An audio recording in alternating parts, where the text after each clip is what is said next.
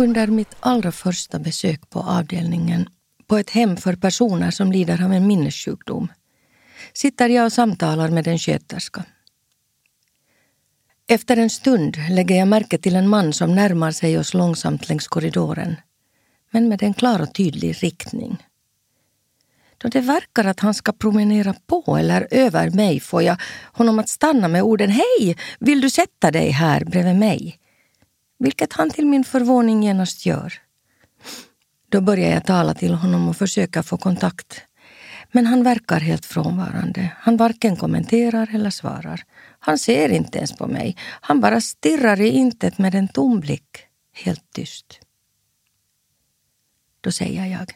Hör du, vi sitter bara här, du och jag, alldeles tysta. Och det gör vi. Efter en lång stund, utan att se på mig, hör jag honom med klar och tydlig röst säga Sukula! Hej, väntas nu, vad är nu det här? Känner vi varandra? Jag ser på honom frågande, men mannen svarar inte. Bara tystnad, inga ord.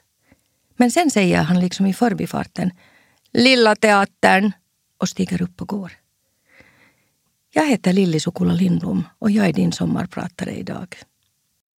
Alldeles riktigt. Han sa Sukula och det är det jag heter. Lilli Sukula Lindblom. Lilla teatern sa han också. Och ja, jag har jobbat där. Och också till exempel på Svenska Teatern. Jag har varit skådespelare i 35 år.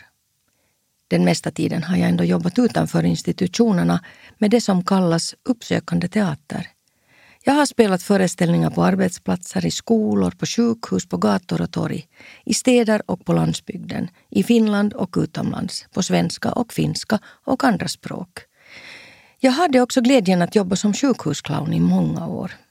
Faktiskt så var det jag som tog hela konceptet till Finland från USA. Livet förde mig till att bo i New York som Fulbright-stipendiat år 2000 för att studera. Jag hade blivit inbjuden att lära mig om den organiserade sjukhusclownverksamheten Clown Care som startat där flera år innan på Big Apple Circus. Planen var att ifall jag fann programmet intressant och viktigt skulle jag hämta det i sin helhet till Finland. Men efter 15 år med det som jag kallar mitt livsprojekt, Sjukhusclowner RF, som är en förening som jag både varit med om att grunda men också vars konstnärliga verksamhet jag gjort landsomfattande som ett Kultur i vården-program kände jag att jag var färdig att ta steget vidare. Jag hade gjort mitt. Skötebarnet kunde stå på sina egna ben och klara sig. Det är inte alltid lätt att skiljas från sina skötebarn men det är priset man får betala när man är en visionär och avantgarde som älskar att starta nya projekt. Man ger över till nya krafter och hoppas att de ska förvalta arvet på bästa möjliga sätt. Alltid blir det kanske inte så. Mitt konstnärliga sökande har fört mig genom åren till många olika ställen. Möten med intressanta människor och upplevelser som jag knappt vågat drömma om. Jag har så många minnen från ögonblick med känsla av stor lycka. Från scener utanför institutionerna som jag aldrig skulle byta ut mot något annat. Nu säger jag ju inte att jag inte skulle tycka om att stå på en stor scen och berätta en viktig historia för min publik. Nej, utan att det fria livet har gett mig något annat att se och uppleva helt enkelt. Vad sägs om följande vitt skilda upplevelser som att sitta vid ett färgfäste i gryningen och vänta in landskapsfärjan och beskåda den fantastiska soluppgången efter en lyckad teaterturné till kobbar som ingen normal människa kommer på att besöka där vi väntat på publiken som fastnat med hydrokoptern i sörjan någonstans i skärgården som gjort att starten på föreställningen försenats rejält. Till att inte stå på scenen men råka vara på cirkus i New York med Harrison Ford framför mig i publiken. Eller umgås i New York med Finlands enda stora Hollywoodstjärna Taina Eli. Ja, ja, namedropping. Vi ses på nytt. Mannen på demensboendet som visste vem jag var, men då i sällskap med en anhörig. Den här gången ser han rakt på mig, hela tiden, med en stirrande blick, men säger ingenting. Det är bara de tårfyllda ögonen som gör att jag ser att han är emotionellt berörd. Men inte bara han, utan även jag. Jag har fått möta de finaste människor runt om i landet under de senaste åren på olika hem för minnessjuka. Jag har besökt närmare 30 hus och sett mycket av vardagen på avdelningarna. Jag i mitt arbete har fått föra glädje, kontinuitet, överraskning och skratt till vardagen med små stunder av lycka för människorna som bor på olika hem. Musiken har varit en nyckel till att nå dem som lever utanför en vanlig klar kommunikation. Musiken väcker minnen till liv och kan ofta få en minnessjuk person att minnas sångtexter. Och plötsligt använder de sig av ord, trots att de kanske redan slutat att prata, tappat sitt språk. Jag vill genom kontinuitet få liv i de tysta rummen där ingen pratar någonting. Det här handlar om människor som har lämnat oss på ett plan eller verkar vara någon annanstans. De kan vara svåra att nå, de svarar inte på mina frågor. Människor jag inte riktigt vet med. Hör de mig? Ser de mig? Mina röda och gula granna kläder verkar de att se. Var har du varit? kan jag få höra av en boende som känner igen mig då jag efter ett år kommer tillbaka till en specifik avdelning. Dessa personer kommer inte ihåg mig. De kommer ihåg känslan som finns kvar någonstans i deras känslominne. Jag är ett glatt minne för dem. Det är det de minns. Förstår de allt som händer omkring dem? En sak är i alla fall klar. De har tappat förmågan att uttrycka sig. Att hitta ord så att jag lätt kan förstå dem. Nu måste jag alltså hitta ett nytt sätt för att kunna kommunicera med dem. Jag vet så lite. Ja, jag vet att av säkerhetsskäl bor de bakom låsta dörrar. De kan verka lite besvärliga och rastlösa ibland. Promenera av och an i gången på hemmet och det är ett mycket vanligt tidsfördriv. Dessutom kan de agera så oväntat och underligt. De kan plötsligt både skrika, sparka och spotta och ohämmat tala väldigt vulgärt. Upprepa saker och oavbrutet ropa på någon, till exempel på sin mamma. De kan vara hotfulla fysiskt men också mycket kramsjuka och visa ett stort behov av närhet. Eller så dras de med symptom av hypersexualitet. Minnessjukdomar är vanligt förekommande. Man räknar med att var tredje finländare drabbas. Genom det drabbas vi alla på ett sätt eller annat. Går vi själva fria drabbas högst troligt någon närstående och då drabbas ju också vi.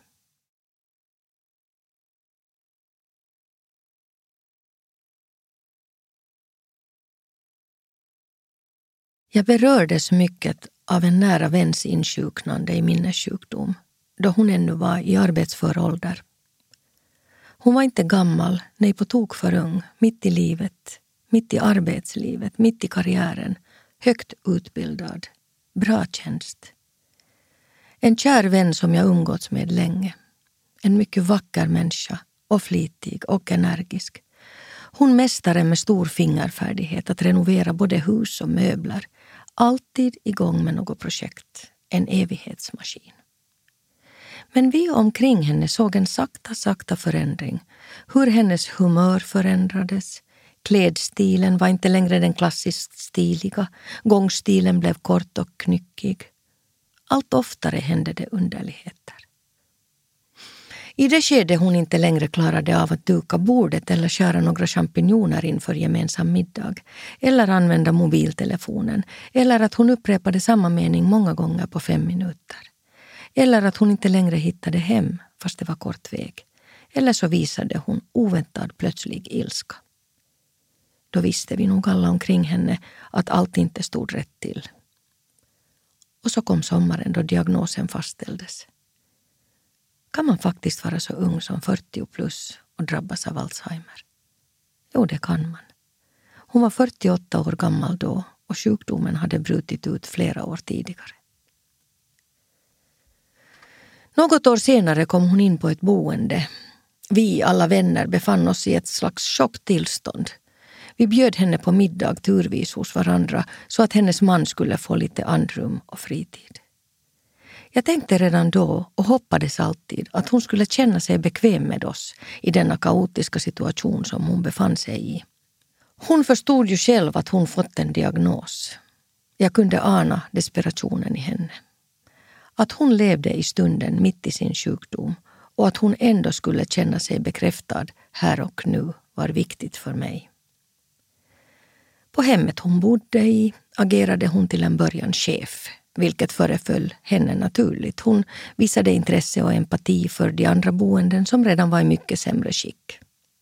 Hon körde omkring med dem i sina rullstolar, ofta in i fel rum eller så, och bråttom hade hon och flitig var hon. Du kan vänta i mitt rum, jag kommer snart, ska bara jobba färdigt, kunde hon säga mig. Men sedan hittade hon inte till sitt rum och då fick jag visa vägen. Tiden då hon vägrade tvätta sig var svår. Personalen frågade om jag kunde hjälpa henne med att få henne i bastun och tillsammans med en väninna som var med lyckades vi få henne i duschen och bastun. Nu har jag det så bra, kunde hon säga, där hon satt nytvättad efter bastubad och med en kall bastuöl i handen. I ett skede undrade jag om smågubbarna som allt oftare visade sig för min väninna i en springa någonstans på väggen eller om en katt som inte fanns men som bara hon såg ligga och kura ihop i sängen berodde på medicinen. Tiden gick och åren. Språket förändrades till ett säreget hemsnickrat Kalevala-språk som ingen av oss andra förstod. Skorna var ofta opar och behån eller trosor kunde finnas i fruktskålen på bordet. I ett skede tyckte hon om att knyta. En enkel knut på alla band hon upptäckte i rummet. Hon kunde också knyta ihop skor på andra boenden, vilket inte alltid var så bra. Till slut kom någon på att göra en dyna med en massa band som hon satt och knöt ihop dagarna i ända. Då orden försvann kom jag på att inte fråga henne något längre. Jag tog munturen. Jag bara pratade på vad som helst, ofta om något vi gjort tillsammans eller om saker jag visste att hon tyckte om. Hon verkade trivas. Många skeden har passerat. Hon bor nu i ett boende i ett hem där det också finns många som är mycket äldre än hon. Jag matade kaka i henne där hon satt inlindad i en filt vid matbordet i allrummet. Håret kortklippt, naglarna korta, tänderna söndertuggade. Och hon som alltid haft det finaste långa håret och mest välvårdade långa naglarna och det vackraste leendet, det kan sen riva i mig. Den gången samlades andra boenden omkring oss lite nyfiket. Min vän hade inga ord längre, inget uttryck. Hon bara satt och frös och skakade under tröja och filt. Då undrade någon av de äldre som satt där runt bordet att vem är hon som inte pratar med oss? Jag sa för att byta samtalsämne liksom. Vet ni vem som hade den snyggaste och elegantaste gångstilen i hela byn?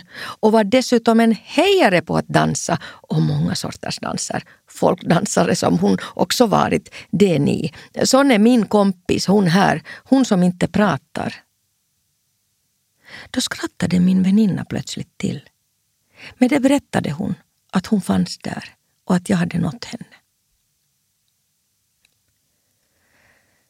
Att ta avsked av någon som lever och finns känns så märkligt och svårt. Att försöka hålla vid liv det friska i henne, det som en gång fanns. De finaste minnena, de roligaste stunderna, det starkaste i gemenskapen. Jag minns kokandet av rödmylla. Vi hade ju båda skaffat varsin bondlänga i Österbotten. Eller hur vi njöt av att plocka hallon bland risiga vildvuxna hallonsnår i sommarhettan. Eller klara höstdagar i den bekanta skogen på jakt efter trattkantareller. Otaliga kvällar av mat och prat, skratt och djupa diskussioner om livet och med många planer om hur det ska bli sen. Jag heter Lilli Sukula Lindblom och jag är din sommarpratare idag.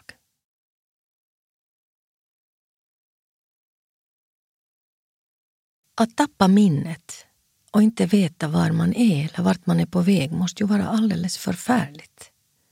Alltså att glömma sin egen livshistoria. Tänk er. Att inte längre komma ihåg sina närmaste. Bara tappa bort allt och alla, sakta men säkert. Det måste vara en olidlig process av osäkerhet och en dold skam över sin egen situation. Att irra i något slags vakuum på väg någonstans utan att komma ihåg vart man är på väg. inte hitta till toaletten i tid, tappa bort sig i sin egen vardagliga omgivning, inte hitta rätt namn på personer man absolut känner, inte möta något bekant i någonting eller göra det men inte få ut orden ur sin mun. Orden bara liksom svävar där i luften framför en. En känsla av desperation måste vara överhängande. Jag har alltid tänkt att livet är kort och värdefullt och att det finns så mycket jag vill hinna med. Det finns så mycket jag ännu vill se, så många människor jag ännu vill möta. Jag älskar livet. Det har jag alltid gjort. Jag vill inte dö ännu. Och dessutom hinner jag liksom inte. Jag har så många saker på hälft. Projektet måste få till slut. Jag vill följa upp mina fyra vuxna barns liv men också njuta till fullo av min tid som fammo. Jag vill se mina barnbarn, snart fyra till antalet, växa och utvecklas. Jag minns inte att jag någonsin skulle ha besökt en åldring på ett ålderdomshem, som det då hette, när jag var ett litet barn. Både mina far och morföräldrar var redan döda den dagen då jag som tvååring började uppfatta någonting om livet. Alla äldre människor i min släkt bodde i sina egna hem. Varför? Jo, de fick bo hemma men sedan dö innan de blivit så gamla och hjälplösa och minnessjuka att de skulle måste bo på ett boende av något slag. Om inte alla, men de flesta, har dött i cancer istället. Pappa hann inte fylla 58 år. Mamma blev 70 och en syster bara 55 år. Och jag säger fuck cancer. Vad väntar jag på? Jag ska låta alla veta hur jag vill ha det om eller när det är dags. Om eller när jag inte längre minns eller kan uttrycka mig, saknar ord och blir missförstådd. Säger jag nu och låtsas klok och vis. Jag ska skriva upp detaljerat saker om mig själv som jag vill att mina närmaste samt vårdare ska veta om. Alltså hurudan jag är och hur jag vill ha det. Jag ska göra det i tid. Jag ska ta mig fan göra det redan idag. Hur är det med dig? Vad tänker du göra? Vad tycker du om och inte om? Dina rutiner, din dygnsrytm. Är du en morgon eller en kvällsmänniska? Hurdan musiksmak har du? Har du en favoritfärg? Är du vänster eller högerhänt? Är du estet och gourmet? Enstöring eller gruppmänniska? Är naturen viktig för dig? Brukar du njuta av ett glas vin nu?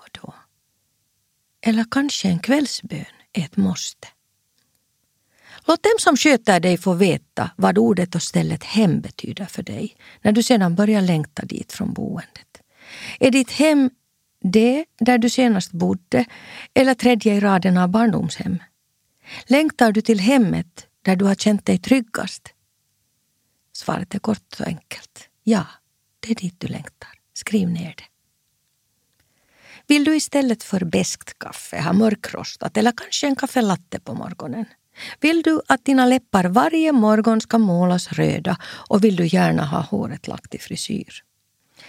Är du van att göra saker med dina händer?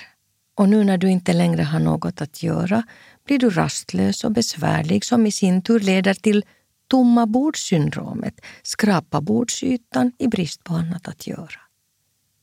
Vandrar du tanklöst omkring av och an på boendet, speciellt under kvällarna då nattsköterskan tagit över.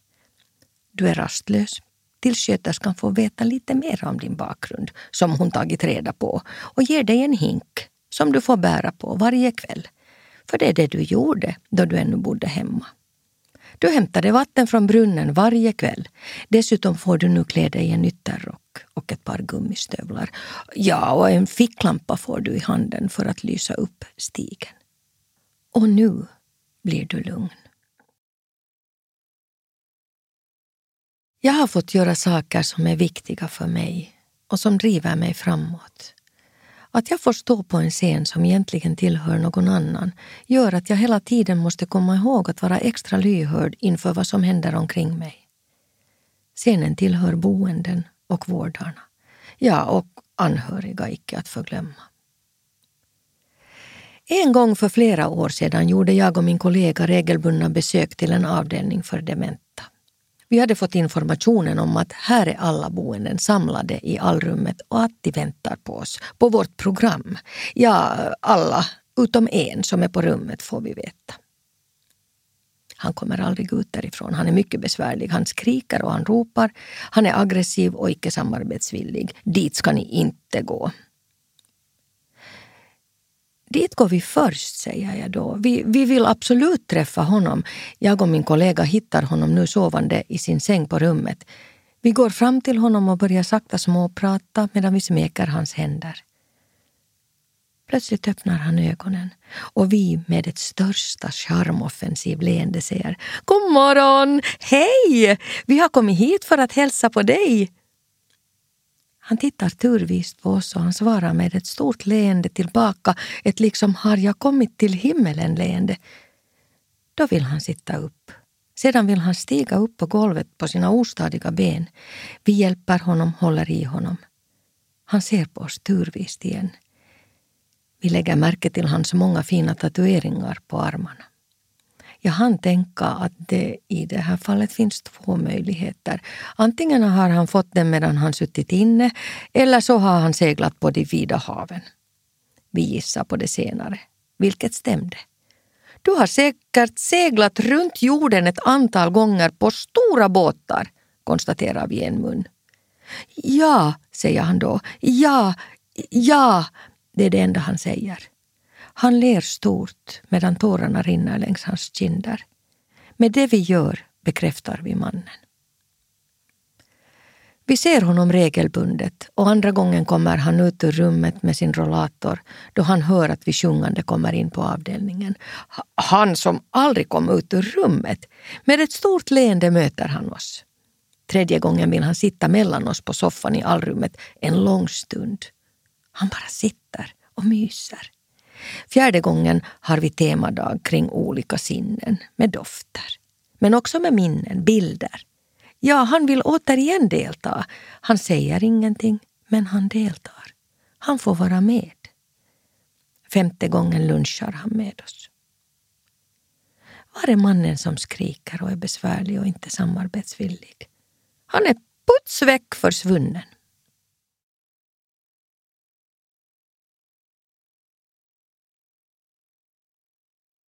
Som bäst fungerar jag som projektledare för ett treårigt Kultur i vården-projekt tillsammans med experter inom olika områden.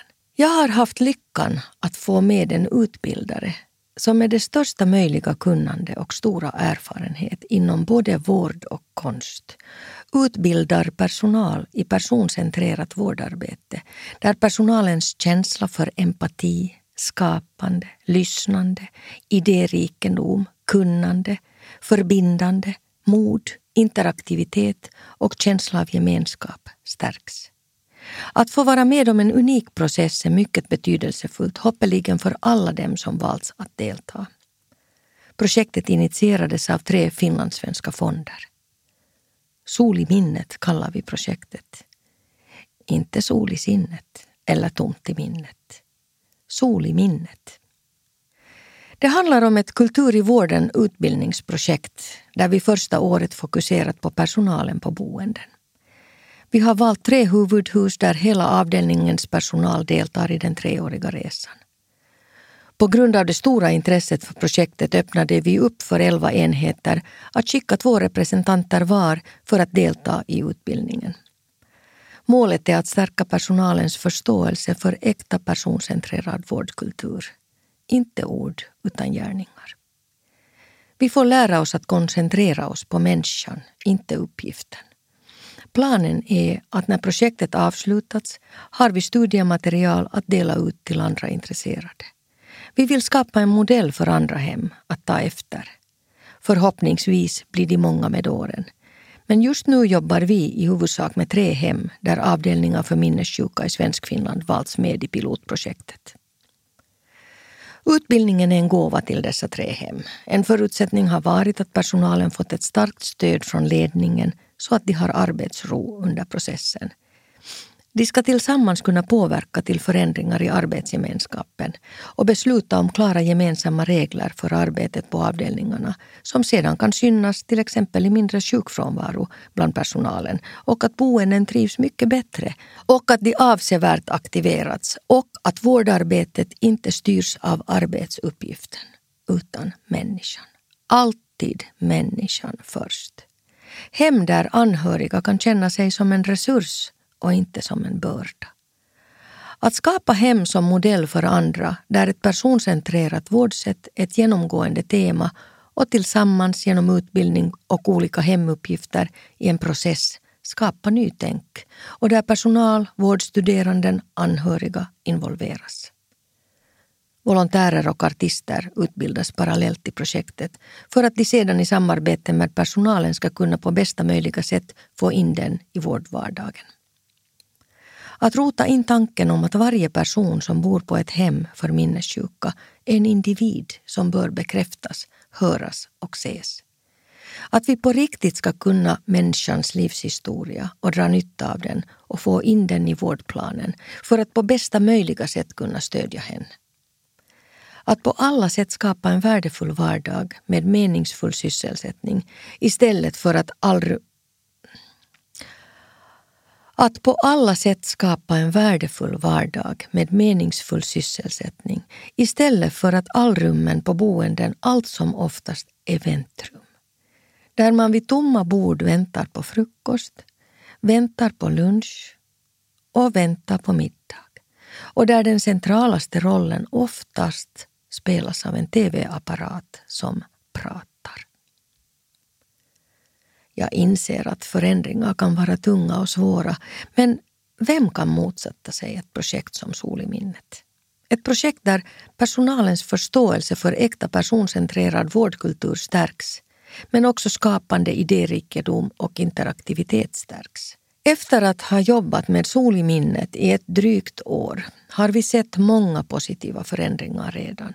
Men vi har också mött en del motstånd. Förändringar skrämmer.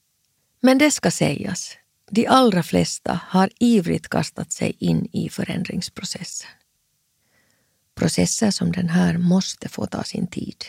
Vi har två år kvar av Sol i minnet-resan som sedan avrundas med en nordisk konferens och bokutgivning. Visst är tiden mogen till förändring som vi alla vill vara med om. Nej, jag vill inte bo här på ett hem där jag placerats vid ett tomt bord på förmiddagen efter morgontoalett och mediciner. Vid ett tomt bord där ett x antal andra sitter placerade. Vid ett bord där ingen pratar. Där jag sitter och inte har något att göra. Ingen stimulans, men med en personal som har för mycket att göra. Och de har så bråttom hela tiden. Varför har de inte tid? De vill, men har inte tid med mig. Tid att se mig eller bekräfta mig.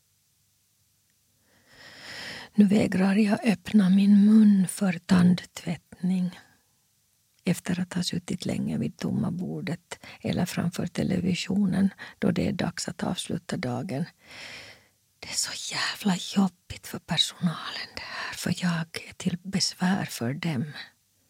Och de kommer ju inte på vad de ska göra för att öppna min mun. Att till exempel sjunga för mig, till exempel min favoritsång från lekskolan. Säg mig du lilla fågel där mellan almens och senast på almens skulle min mun vara vidöppen och de kunde stoppa tandborsten i min mun och börja borsta medan vi tillsammans sjöng vidare och ständigt vara glad. Resten skulle gå av bara farten. Den här metoden har forskats i, i Sverige och kallas för vårdsång. Och metoden kommer att vara en del av Sol i minnet-projektet under de kommande åren. Håll i er, vårda och sjunga, en del av kommande vårdutbildning. Jag kan se det framför mig och vilket motstånd det kunde väcka. Men nu känner jag mig placerad på en förvaringsplats för personer med minnessjukdom. Jättetråkigt. De som jobbar här vill inte bo på det här hemmet. Varför skulle de? sen när det är dags för dem. De har andra planer. De ska bygga ett eget. Bo med sina vänner tillsammans i ett hus de planerat och förverkligat. Där det ska finnas allt som är kiva. Tror de. Jag som är född på 50-talet är kanske inte nästa generation boende men sen följande säkert. Och vi lär ska bli många sägs det. Men kom ihåg tills dess, lev människa, för världen är din. Jag heter Lilli Sukula Lindblom och jag har varit din sommarpratare idag.